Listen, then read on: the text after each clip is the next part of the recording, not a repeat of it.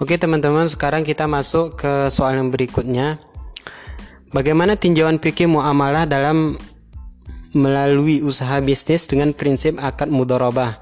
Apa yang harus diperhatikan dan dipersiapkan sehingga menjadi usaha bisnis syariah yang berkah? Dalam kerjasama syariah, kita kerap mendengar ada namanya akad mudorobah untuk kerjasama.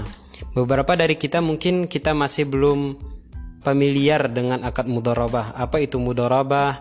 Akad ini bisa dilaksanakan atau tidak gitu. Jadi akad mudorobah adalah akad kerjasama suatu usaha antara pemilik modal yang menyediakan seluruh modal dengan pengelola dan keuntungan usaha dibagi di antara mereka sesuai nisbah yang disepakati dalam akad. Jadi secara sederhana pengertian mudorobah adalah kerjasama usaha antara dua pihak dengan ketentuan bagi hasil atas keuntungan usaha dan dibagi rugi jika ada kerugian usaha.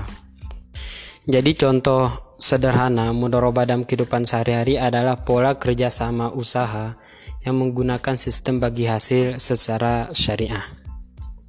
Ada beberapa ketentuan yang harus kita pahami bersama bahwa tujuan dari setiap aktivitas bisnis itu adalah meraih keuntungan termasuk mudorobah. Dalam mudorobah, keuntungan harus memenuhi empat syarat. Jadi ada beberapa yang harus kita perhatikan. Yang pertama, keuntungan hanya diperuntukkan bagi kedua pihak yang bekerja sama, yaitu pemilik modal dan pengelola.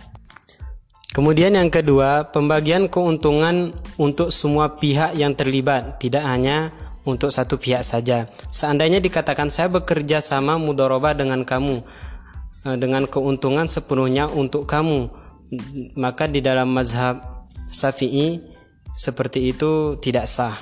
Kemudian yang ketiga, keuntungan harus diketahui secara jelas. Kemudian yang keempat, dalam transaksi mudorobah itu ditegaskan persentase tertentu bagi pemilik moda dan pengelola sehingga keuntungannya dibagi dengan persentase bersifat merata seperti setengah, sepertiga atau seperempat. Apabila ditentukan nilainya, contohnya dikatakan kita bekerja sama mudorobah dengan pembagian keuntungannya untuk kamu satu juta dan sisanya untuk aku maka akan seperti ini tidak sah.